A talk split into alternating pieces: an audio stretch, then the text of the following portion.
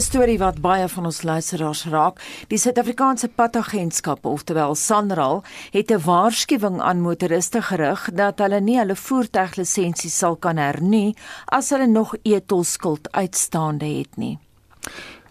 Nou, die stappe sal glo deur die agentskap vir padverkeersmisdrywe, die RTIA, verder gevoer word en hierdie agentskap vir die misdrywe sal ook die R2 strafpuntstelsel administreer en vir meer daaroor praat ons nou met die vervoer en verkeerskonsultant Alta Swanepoel môre Alta.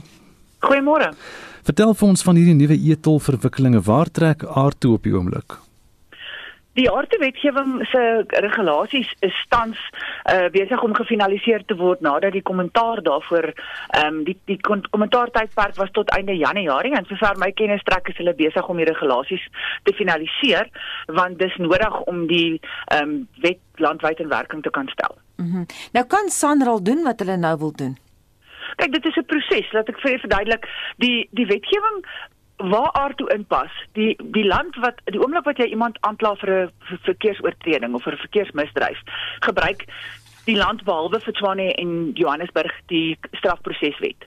In Johannesburg en Pretoria word die aardtoe wet gebruik daarvoor, so dis 'n administratiewe vervolging in plaas van 'n kriminele vervolging.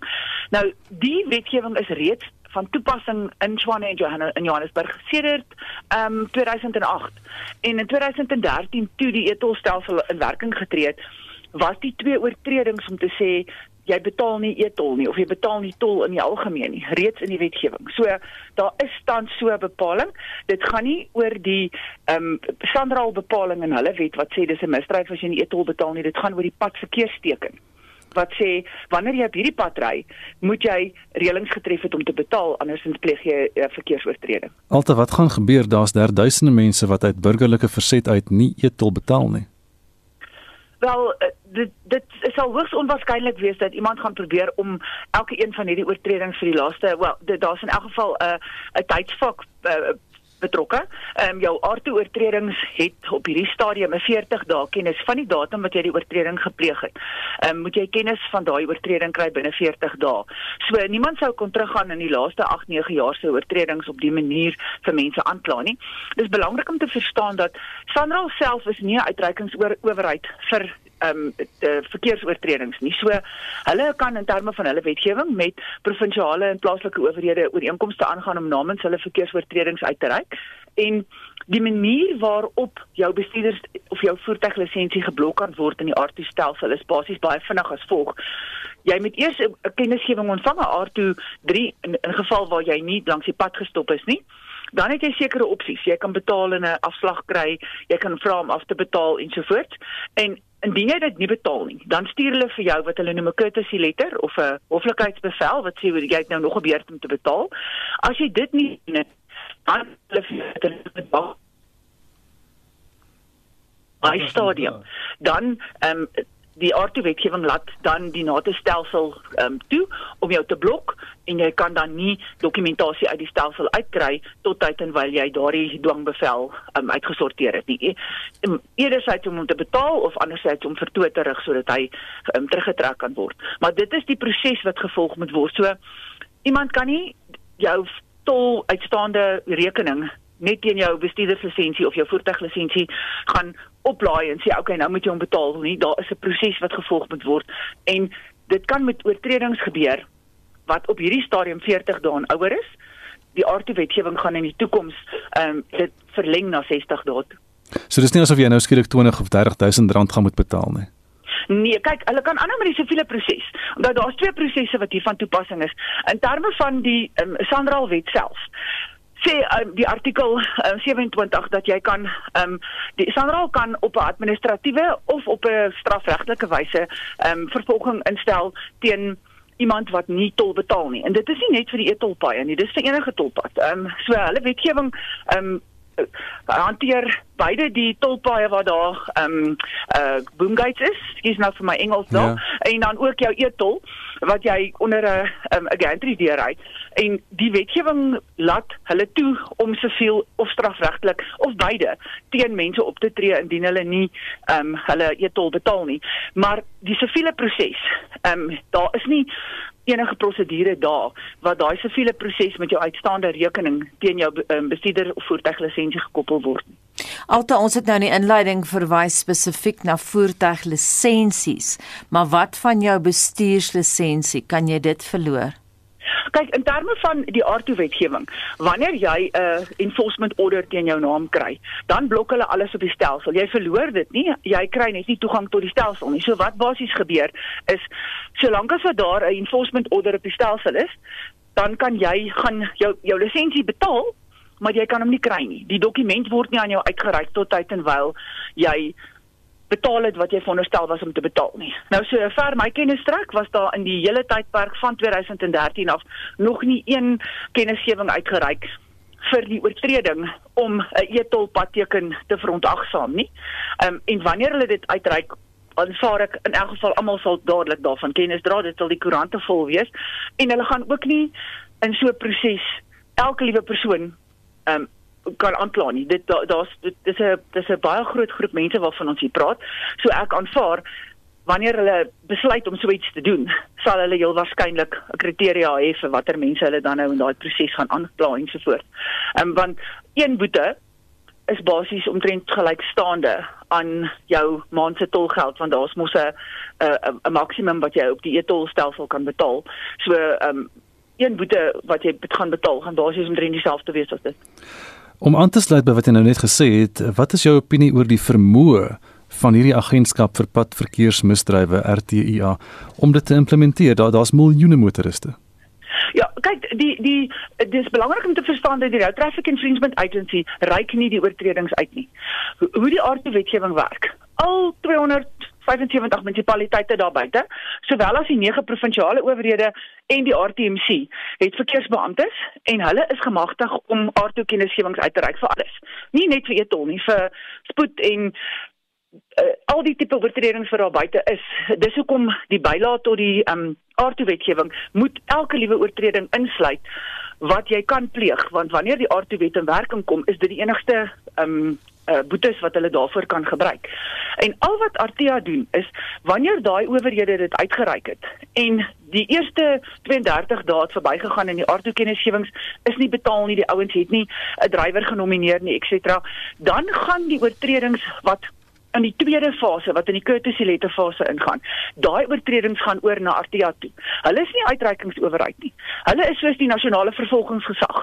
Die polisie kom en kla iemand aan en wanneer die polisie iemand aangekla het, dan neem die vervolgingsgesag daai saak oor en hulle vervolg hom deur die hof.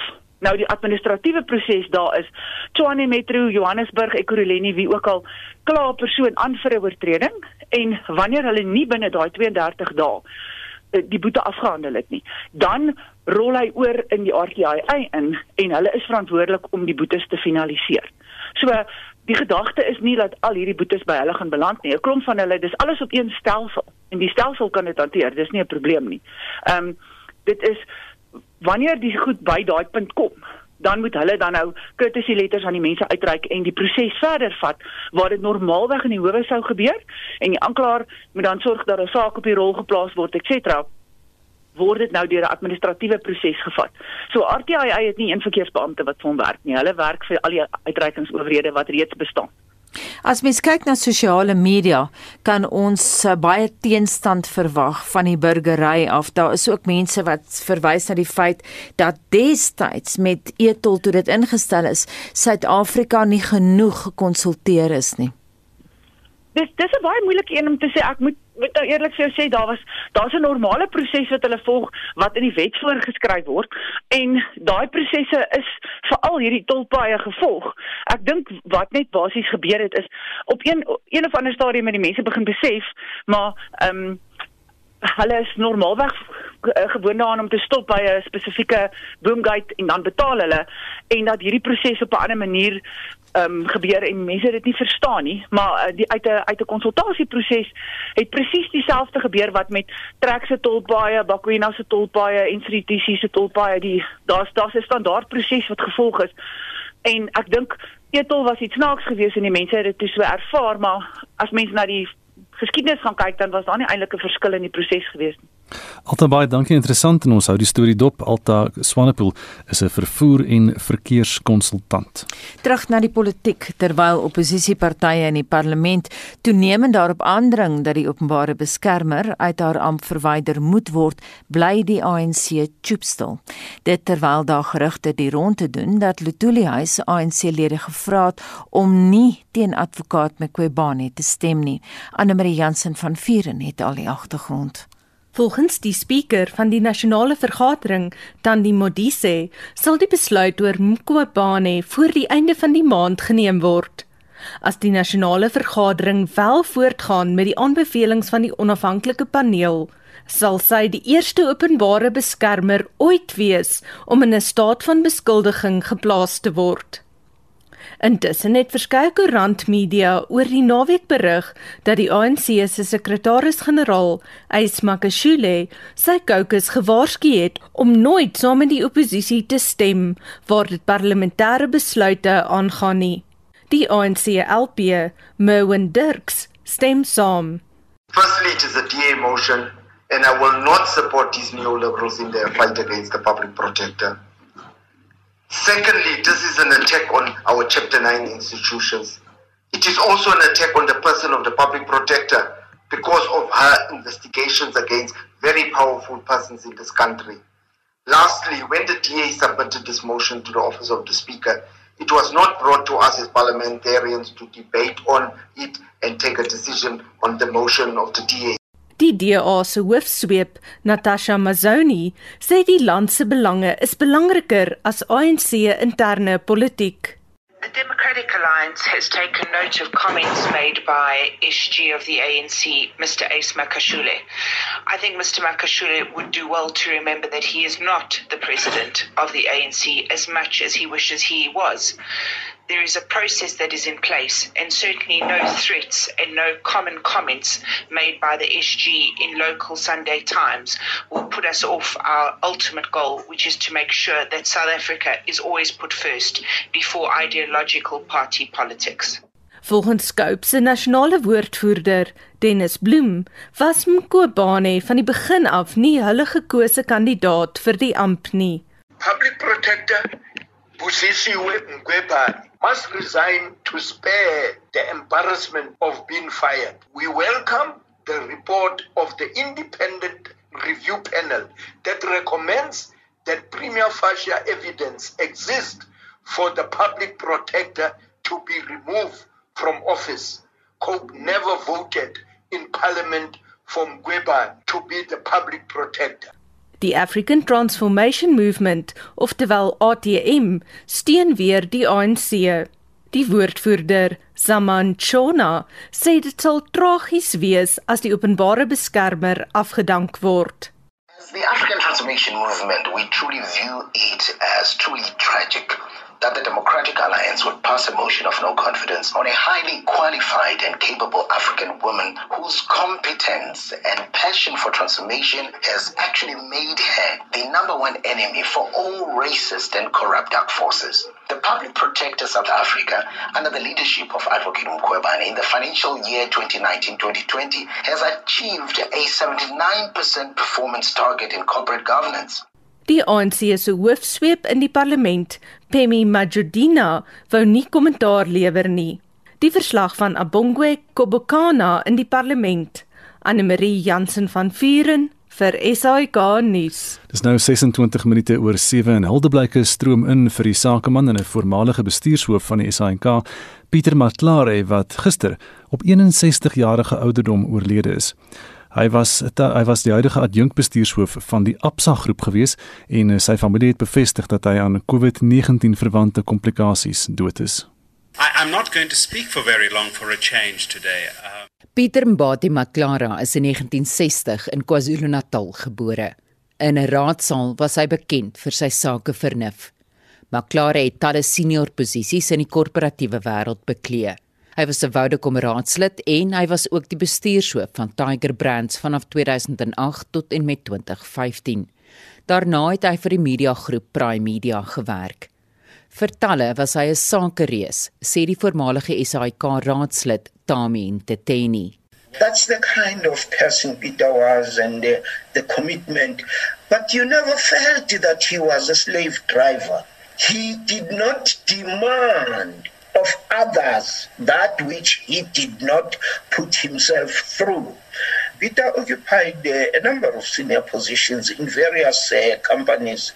And I think those companies or those corporations like uh, Tiger Brands, for example, I think they still do have or they hold him in high esteem because of the quality of leadership that Peter brought in every organization that he worked for. As 'n raadslid vir maatskappye in Suid-Afrika was hy bekend daarvoor om 'n verskil te bring, insluitend die SAIK tussen 2001 en 2005 toe winste gesien kon word.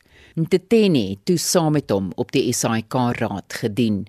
One cannot say that Peter was the only group chief executive who who raised the stakes in the SAPC, but I count him as amongst those because I worked with Peter for quite some time and I saw him in his operation and I saw him as he led the group executive and the meetings that we had at the group executive to determine how to carry the SAPC forward.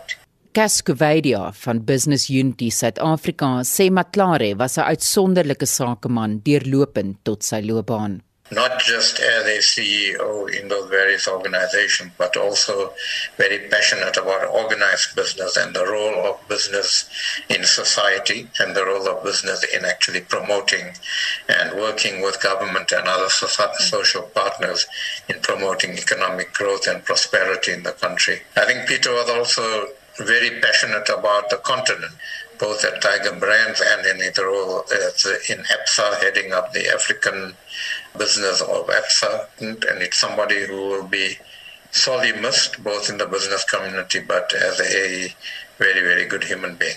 McClary het aan die Universiteit van York in Kanada vir sy meestersgraad studeer.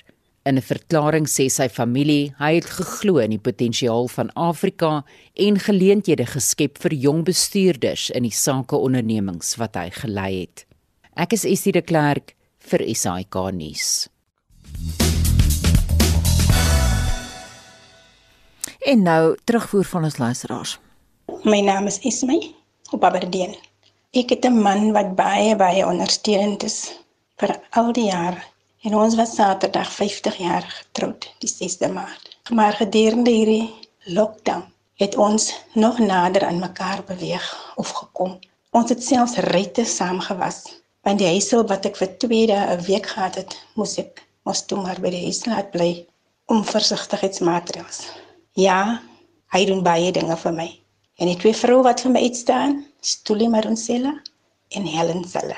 Dis Lisa van Ermelo As 'n vrou wat vir my baie uitstaan en dit is Amorey Becker van RSG. Sy het nie geskroom toe die boere om hulp gevra het om sommer dadelik in te spring en vir hulle geld in te samel nie. Drie hoera's vir RSG se Amorey Becker. Ek is Eddie van den Otter en my vrou is Maria en sy is my trots en sy is my hero. As op my skool goed was, was goed was, huis skoon maak, alles. 'n Beter vrou kan 'n man nie hê as 'n vrou wat hoe siek is dan staan sy in die kombuis en probeer nog om vir jou te sorg nie. Ja, dit dan uh, luisteraars wat laat weet wat hulle dink van Vrouedag vandag. Ons bly by die tema. Suid-Afrikaners mag nie net toe kyk terwyl vroue vermoor en ander forme van geweld teen hulle gepleeg word nie.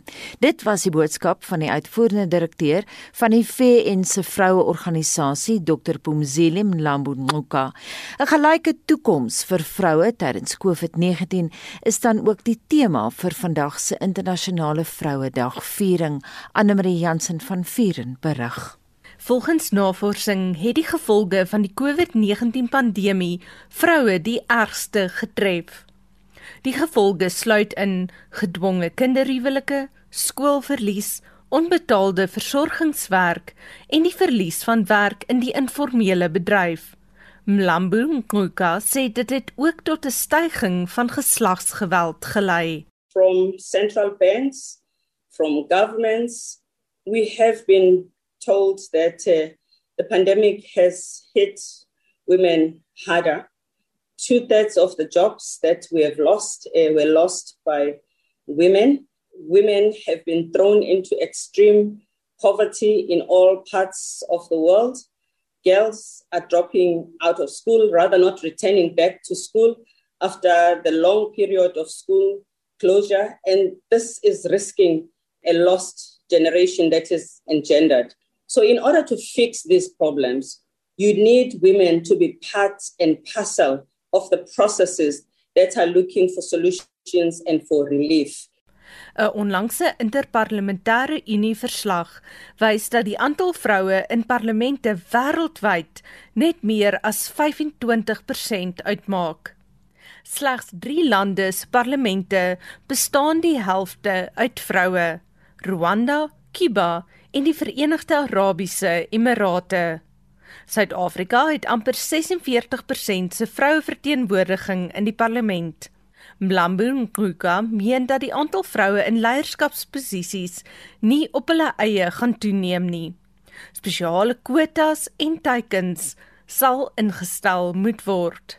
The 22 women in the world that are heads of state, all of them have been harassed and it is getting worse now because of what can happen in the social media. We have the vice president of America being trolled. I'm sure you've seen the trolls that she has been exposed to.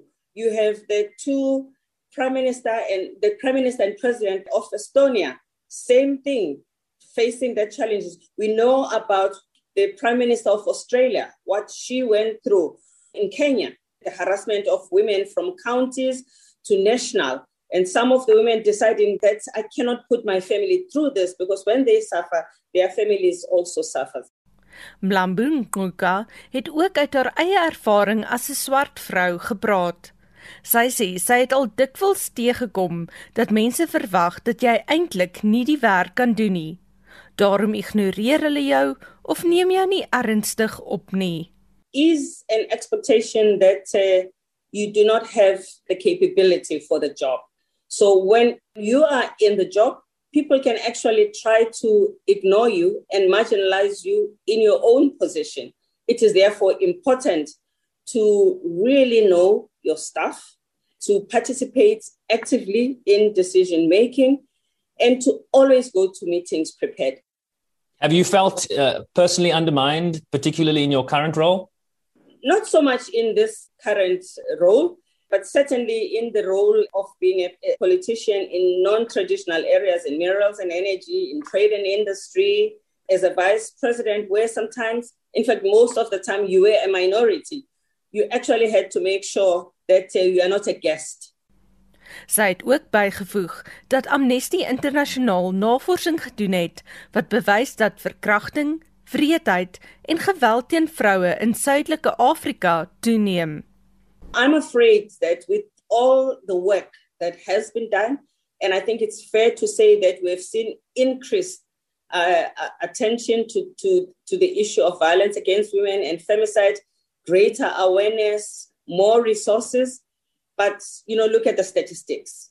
We are clearly not winning. Uh, we still have a long way to go. So this is not the time to relax. We have to do more we have to stay the course. I, I just don't know what more to say other than say we need everybody to be part of the fight. Dit was die uitvoerende direkteur van die Verenigde Nasies se vroueorganisasie, Dr. Pumzile Mlambunguka. Die verslag van Shaun Bryce Peace in New York en ek is Anne Marie Jansen van Vuren vir SAK nuus. Nou ons bly by die storie en meer as 25 jaar gelede het die VN se wêreldkonferensie oor vroue die Beijing resolusie vir geslagsgelykheid onderteken. Tog het die afgelope jare se COVID-19 pandemie die ongelykheid tussen mans en vroue sterk uitgewys. En ons praat nou hieroor met professor Amanda Gous van die Universiteit Stellenbosch. Goeiemôre. Goeiemôre Anita, goeiemôre aan die luisteraars. Ons het nou gehoor dat die uitvoerende direkteur van die VN se vroueorganisasie sê meeste lande se COVID-19 taakspanne word deur mans oorheers. Ons weet daarom in Suid-Afrika het ons ten minste een vrou wat ek nou net vinnig aan kan dink, Angelique Kutse op ons paneel. Maar hoekom dink jy is daar hierdie neiging dat mans hierdie taakspanne spesifiek wat COVID betref oorheers? Wel, ek dink dit gaan terug na die hele stereotipering van die die rolle wat mans en vroue vervul. En daar bestaan die um soort van onuitgesproke reël dat mans beter leiers maak as vroue.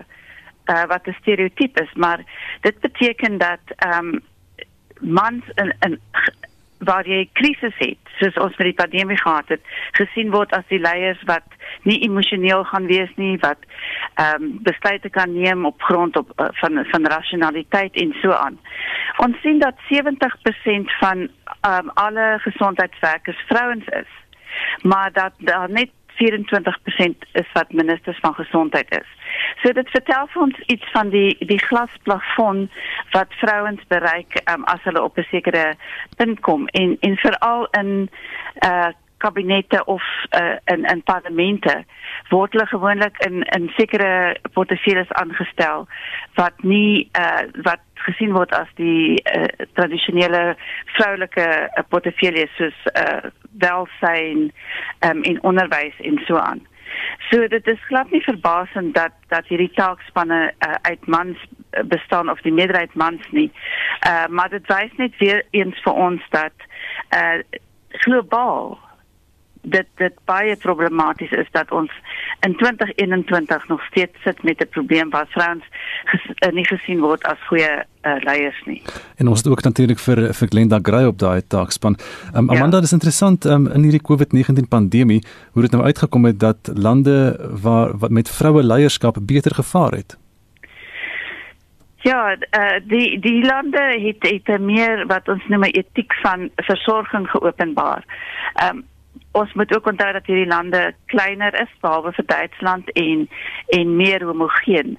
Maar ten spyte van dit, dink ek dit was werklik uh, opvallend hoe goed hierdie vrouens gevaar het om uh, hulle burgers te kry om saam te werk, om die um, inperkings uh, te te administreer op 'n manier wat mense ehm um, gevoel het daar is 'n etiek van versorging. Ek dink in in groter um, meer heterogene lande was dit natuurlik moeiliker want jy het in in in hierdie lande het jy groot uh, ongelykheidsgapings wat van hierdie lande waar die vroue uh, regeer word nie het nie. En dit het natuurlik bygedra tot geweldige ehm um, probleme rondom uh, COVID van die die gelykheidsgaping wat was so duidelik geweest van hoe mense wat gewoonlik ehm um, wat arm is wat nie toegang het tot tot mediese uh, hulp nie wat nie toegang het tot kos nie wat hulle werk verloor het. Ehm um, baie duidelik is baie duidelik gemaak deur die deur die pandemie. Amanda, jy het nou baie spesifiek gewys na waar ons staan en die jaar 2021 genoem, maar jy self was op die komitee vir geslagsgelykheid onder president Zuma. Jy was een van die mense wat hom raad gegee het oor hierdie sake. Trouwens, ek onthou jy was die enigste Afrikaans sprekende persoon op daai paneel. Wat het jy toe reg gekry? Kon jy enigiets verander kry? Uh ons praat oor die kommissie vir geslagsgelykheid. Ja. Ehm um, ja, ek was 'n kommissaris.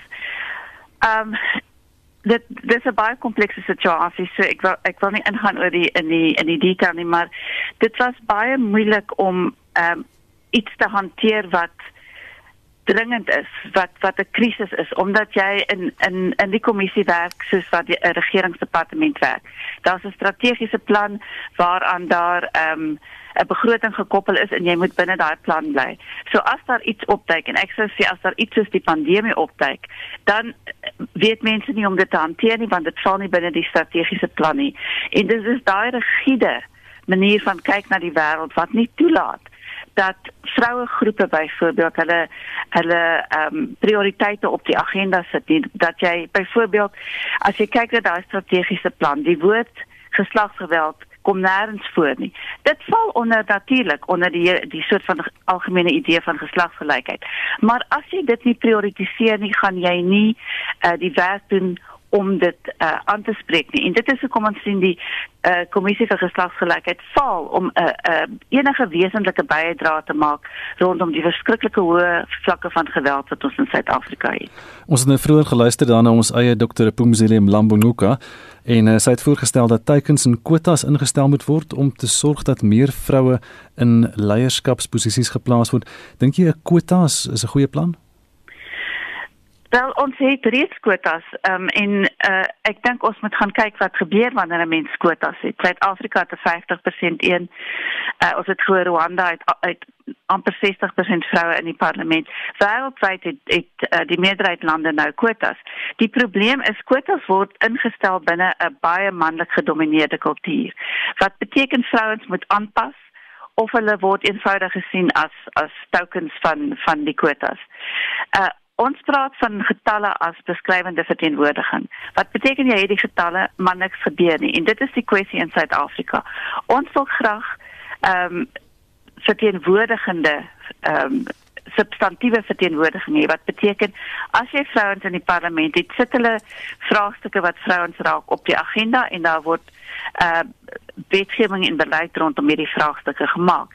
En ons sien dit dit het gebeur in die eerste parlement toe ons 'n 30% kwota gehad het. Dit het baie beter gegaan want daar was vrouens wat 'n 'n toegewydheid gehad het aan vroue sake. Soos tyd aangegaan het, het daardie vrouens verdwyn en vrouens wat nou in die parlement dit is, hulle is lojaal aan aan die regerende party. Wat beteken hulle gaan nie uh probeer om om uh, vraagstukke wat vrouens raak op die agenda te sit as dit beteken dit ondermyn hulle lojaliteit aan die party nie. En dit gebeur in baie lande dat dat die kwotas eenvoudig ondermyn word. So dis goed, ek weet die uh uh Bumzili en Lambo en Guka staan sterk op hierdie punt, maar ek dink ons moet ook verstaan dat kwotas nie die enigste oplossing is nie, juis omdat dit so moeilik is om hulle te laat werk. Amanda, onthou jy die Nomen Mashabane saak? Ons het destyds baie onderhoude daaroor gevoer wat ons ja. sekspes ambassadeur was en die ANC vroue liga het hom deurgangs ondersteun. Ek weet hulle het ook uh, vir Zuma gestem om die president van die ANC te word nadat hy deur 'n baie gruwelike um, verkrachtingssaak is. So die ANC vroueliga is nie 'n 'n 'n liga wat die uh, prioriteite van vroue op die hart dra nie. Dit is absolute lojaliteit aan vroue en daar word allerhande wat ons noem male uh, bargains aangegaan. Ehm um, wat eintlik hulle eie loopbane bevoordeel en wat baie min te doen het met die gelykheid van vroue. So die ANC soos wat ons weet het het ook uh, die hele kwessie van state capture is daar ook uh, capture deur die ANC vroue liga wat die belangrike posisies waar vrouens aangestel moet word is hulle die hekwagters en hulle stel vrouens aan wat hulle weet ehm um, lojaal is aan die ANC. Net 'n laaste vraag Amanda, hoe sou jy begin om dinge om te draai? Sjoe. Wel, ek dink ek dink daar moet 'n uh, baie groter gewag gemaak word van wie in die kommissie um, van geslagsgelykheid aangestel word. Ons moet baie meer uh, ernstig wees met die implementering van die nasionale strategiese plan op geslagsgeweld in Suid-Afrika waarvoor daar nou 'n groot begroting is of 'n fonds wat ook deur die um, private sektor befonds word. So dit gaan oor hoe hoe geld geadministreer word en wie dit administreer want ek dink in Suid-Afrika weet ons dat dit baie maklik in korrupsie uh, kan kan verval. Ehm um, dit dink ek maar ek dink ook as ons uh, wêreldwyd kyk dan is dit eenvoudige kwessie daarvan dat ons meer vrouens in in uh, gesagsposisies nodig het om basies die die geweld en hier praat ek van oorlog en konflik ehm um, te bekamp want dit is werklik mans wat wat oorloë begin en mans wat uh, in in terme van uh die die verhoudings tussen lande besluite neem. Dit is mans wat uh, betrokke is by die uh wit die slawerny van van vrouens met uh, menslike uh, trafficking. Um, ons weet dat al hierdie goed hou verband met mekaar. En solank as wat ons nie op die vlak van internasionale verhoudings 'n verskil kan maak nie, gaan gaan hierdie verskynsels eenvoudig voortgaan. Baie dankie en daai voorspelling kom van professor Amanda Gous, politieke wetenskaplike van die Universiteit Stellenbosch. So 11 minute voor dit kom by die 8 uur nuus vanmôre en die internasionale nuusfront word vanoggend oorheers deur die hertog en hertogin van Sussex, prins Harry en sy vrou Meghan. Die egpaar het tydens 'n 2 uur lange onderhoud met die TV-ikoon Oprah Winfrey op die Amerikaanse netwerk CBS onthul hoekom hulle Brittanje en die Britse monargie agterweë gelaat het. Marlenae Forsie is hier met al die besonderhede môre. Môre Gustaf en Megan het aan Winfrey gesê dat die afsondering wat sy van alle kante af ervaar het ondraaglik was. So were you thinking of harming yourself? Were you having suicidal thoughts? Yes. This was very, very clear. Wow. Very clear and very scary. And, you know, I didn't know who to even turn to in that. These are the thoughts that I'm having in Yes. the middle of the night that Yeah. are very clear. Clarification. And I'm scared because this is very real. This isn't some Mhm. abstract idea. This is methodical and this is not who I am. Dat dit kom voor asof Meghan veral die slagoffer was van rasisme nie net in die nuus nie, maar ook in die koninklike familie. En Prins Harry het juis vertel hoe daar kommer was oor hoe donker hulle kinders se vel gaan wees omdat Meghan se wortels in Afrika lê. Prins Harry het ook gesê hy praat nou reeds meer as 'n jaar lank nie met sy pa Prins Charles nie en dat hy finansiëel van die koningshuis afgesny het as dit nie was vir sy ma Diana wat vir hom geld gelos het na haar dood nie, het hy niks gehad nie. Dis wat hy sê en dan volgens die Amerikaanse vermaaklikheidsjoernalis Gene Wolfe was die agteruitgang van Meghan se geestesgesondheid die laaste strooi wat die kameel se rug gebreek het. Princess Diana, his mother, had thoughts of suicide. So for him, that must have been very frightening, and he didn't know where to turn either. The fact that they wanted to leave was a very big decision, and I have a feeling they tried to explain that they tried to do it without making a big rift. And Megan couldn't help herself but say they knew what was going on. They knew that there were untruths out there. How could they be surprised that we'd want to go? And how could they be surprised that we'd ultimately have to talk about it? Some of it sounds very sinister, and some of it sounds like most everybody's family. En dit was die Amerikaanse vermaaklikheidsjoernalis Gene Wolfe. Buckingham Paleis het nog nie gereageer op die onderhoud nie. En hierdie onderhoud sover ek verstaan word vanaand op Suid-Afrikaanse mm. televisie uitgesaai. Ek dink na 7 uur of iets soos dit half 8 se kant. Ja, ja, ja, ja. Dit. So as jy wil weet wat daar aangaan. gaan gaan kyk die hele 2 ure. Nou vir ander nuus, eh, die Amerikaanse minister van buitelandse sake Anthony Blinken waarsku intussen dat die Taliban reuse militêre vooruitgang kan maak indien Amerika en NAVO se weermaglede Afghanistan verlaat. 'n Ooreenkoms tussen die Trump-administrasie en die Taliban bepaal dat alle Amerikaanse magte die land teen die einde van April sal verlaat. Blinken het die land se president agter 'n brief gewaarsku teen 'n moontlike herlewing in die Taliban se aktiwiteite. Nou vlakke van geweld in die land bly hoog met joernaliste, aktiviste, politici en vroueregters wat dikwels die slagoffers van sluipmoorde is. En steeds in die Midde-Ooste het Paus Franciscus die afgelope naweek sy geskiedkundige besoek aan Irak afgesluit. Oggi, malgrado tutto, Today, we reaffirm our conviction that fraternity is more durable than fratricide, that hope is more powerful than death, that peace more powerful than war. En dan Paus Franciscus tydens sy geskiedkundige besoek en daardie boodskap van vrede in Irak. Dan in Ekwatoriaal Genee is 15 mense dood en minstens 500 beseer tydens 'n reeks ontploffings naby 'n weermagbasis in die stad Bata. Ja, president Teodoro Obiang Nguema sê die ontploffings kan toegeskryf word aan die nalatige berging van plofstof en brande op plase in die omgewing. Nou verskeie infrastruktuur om die weermagbasis is beskadig. Nguema en sy minister van buitelandse sake, Simeon Oyono Esona Angwe, vra vir internasionale hulp. You are aware that we are facing a health emergency. And now, on top of that, this new tragedy in the city of Bata. This is why it was appropriate to inform you in this way so you can help Equatorial Guinea. En dit was die Ekwatoriaal Geneese minister van buitelandse sake, Simeon Oyono Esona Angwe. Dankie vir daardie naam. Dit was Marlene Forsie met vanoggend se wêreldnuusoorseig. Dalk kan jy hom net vinnig vir ons weer herhaal. Ek voel twee keer is genoeg Anita, baie dankie. Die plaaslik vervaardigde rolprent Gaia is uh, gekies om in kompetisie by die gesogte Amerikaanse South by Southwest rolprentfees vertoon te word. Die draaiboekskrywer Tertius Kap het in 2015 die Hertzogprys gewen vir sy teks Rooiland en is in 2016 bekroon met 'n Suid-Afrikaanse film en TV-toekenning vir Dis ek Anna se draaiboek. Kap het aan Anne Marie Jansen van Vuren gesê Gaia is 'n ekologiese gruwelriller, 'n genre wat hulle self eintlik geskep het. Gaia gaan oor die idee dat die natuur nie meer terugstaan en kyk hoe die planeet vernietig word nie, maar meer aktief begin terugveg. Ons noem dit 'n ekologiese horror, so dit val in daai gruwelfilm genre en dit ook elemente van fantasy en bietjie wetenskapsfiksie dalk in dit. En die premise min of meer is 'n man wat 12, 13 jaar gelede die samelewing verlaat het in die bos woon en hy word dan ontdek deur 'n natuurbewaarder. Die rol van Baren, die man word gespeel deur Karel Nel. Monique Rockman speel die rol van Gabby, die natuurbewaarder. Daar gebeur heelwat wanneer Gabby gaan soek na 'n drone wat sy verloor in die bos en sy kom hierdie pa en sy seun te en dan ontdek sy 'n leefwyse.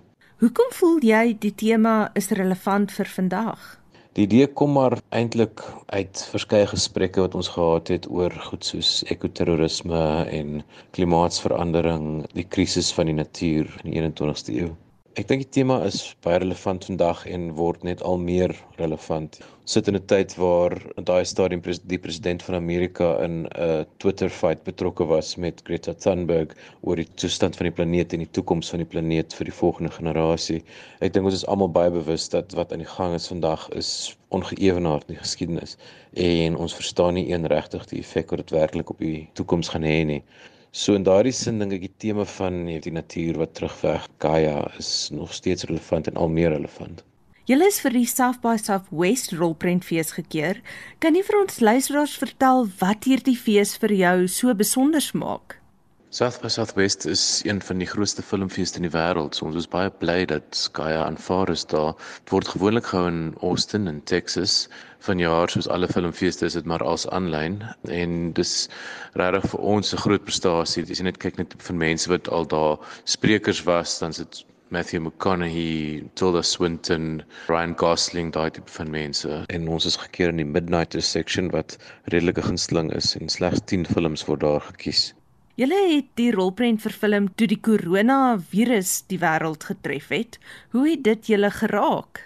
Die mees interessante was toe ons na 'n week en 'n half moes ophou skiet as gevolg van die eerste lockdown, eerste grendeltyd. En ons het letterlik gesit en luister almal saam hoe die president aankondig dat ons nou almal moet huis toe gaan. So wat 'n 3 weke shoot was, het op die ount 'n 6 maande shoot geword. Ons het eers in Julie maand teruggekeer na die bos en die res van die film klaar geskiet.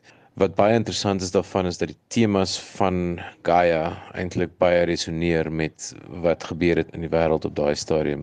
As jy dink aan 'n infeksie wat dreig om die hele wêreld oor te neem en dan gebeur dit werklik. So ons het almal 'n soort van bietjie onseënig gevoel deur hoe relevant die tema skielik geword het vir ons almal. En so sê Tash Skap, hy's 'n draaiboekskrywer van die rolprent Gaia en hy het met Anne Marie Jansen van Vieren gepraat. Laaste stemnotas van ons luisteraars. Ek wil net sê my vrou is vir my deur en deur 'n rolmodel. Nie dat ek die ander vrouens respekteer nie. Vrouens reg oor die wêreld is vir my rolmodelle, maar sy staan vir my uit. Sy is 'n vrou van inborste, soos die destydse Margaret Thatcher. Eystervrou. Ek nomineer nie vir haar oor ek verskyn vanaand in die hond se hok gaan slaap nie, maar net vir die feit dat sy sy is wat sy is. Iemand wat by haar waardes staan. Vroue, ek respekteer almal van julle. Dis Jonathan April op Gouda. 'n Vrouedag moet gaan vir die susters en die verpleegsters en die klinieksusters wat so by die mense is en wat so by die mense staan met hierdie COVID-19. Hulle is alles vir ons en hulle help ons maak nie saak wat nie. Hulle is baie goed vir ons. Ons geniet sê hoera vir hulle. Ek wil vandag die vrou eer wie by die huis sit en kinders grootmaak en kos maak en skoon maak. Dink dit was moeder Teresa wat gesê het, ehm um, as jy die wêreld van ondergang wil red, gaan huis toe en wees lief vir jou familie.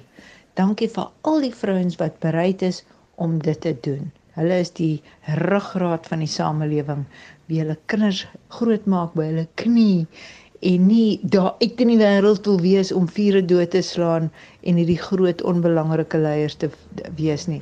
Hierdie vrouens wat bereid is om op te offer by die huis, wat te bra dra. Daai is die vrouens wie ek ver oggend wil eer en wat kinders grootmaak, snotneuse en saam met hulle matriek skryf en hulle groot bid deur universiteit. En dan 'n SMS wat sê my naam is Japie. Ek het 'n vriendin al vir 20 jaar lank wat my ondersteun ten spyte van alles wat ek al gedoen het. Daar's net een soos sy en dit is Marina. Dankie Marina. Maar nou, wat is op die dagboek vir Spectrum later vanmiddag? Die departement van binnelandse sake loods 'n projek om die agterstand in die asielaansoeke in die land in te haal.